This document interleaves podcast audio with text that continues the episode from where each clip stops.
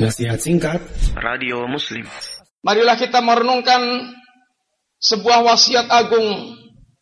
Wasiat dari seorang sangat penyayang kepada umatnya yaitu Rasulullah Muhammad sallallahu alaihi wasallam.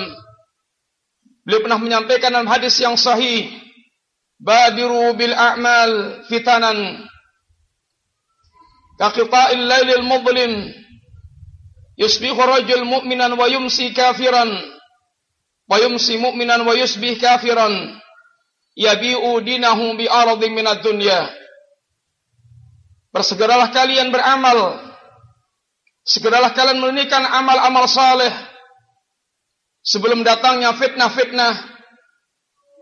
Fitnah-fitnah yang gelapnya.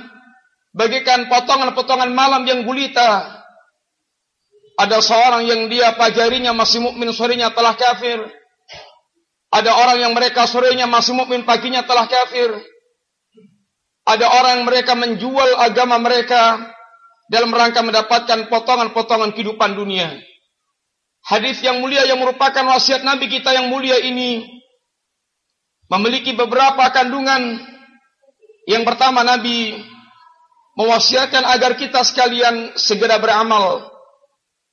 Agar menjadi orang yang segera beramal dan jangan menunda-nunda amal.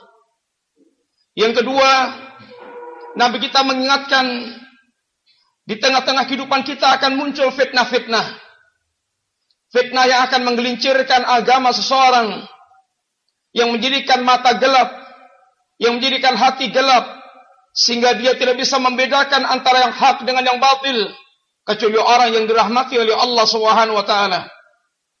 Yang ketiga, Nabi ingatkan betapa di antara dahsyatnya fitnah akan sangat mudah merubah jiwa seorang sehingga paginya dia telah mem masih memiliki keyakinan sebagai seorang mukmin.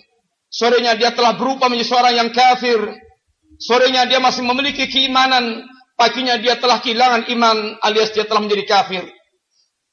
Dan yang keempat Nabi mengingatkan tentang dahsyatnya fitnah dunia di mana sebagian orang yang mereka terfitnahkan dengan dunia, ada orang yang mereka melepas agamanya, mereka menjual agamanya, mereka korbankan agamanya demi dunia yang dia inginkan. Wasiat agung ini, marilah kita bersama-sama cermati, karena tidaklah Nabi berwasiat kecuali dalam rangka mengantarkan kita bahagia dunia dan akhirat kita, karena Nabi kita adalah manusia yang paling penyayang pada umat ini dan menginginkan kebaikan kita sehingga tidak ingin kita terjatuh dalam kebinasaan dan kesengsaraan.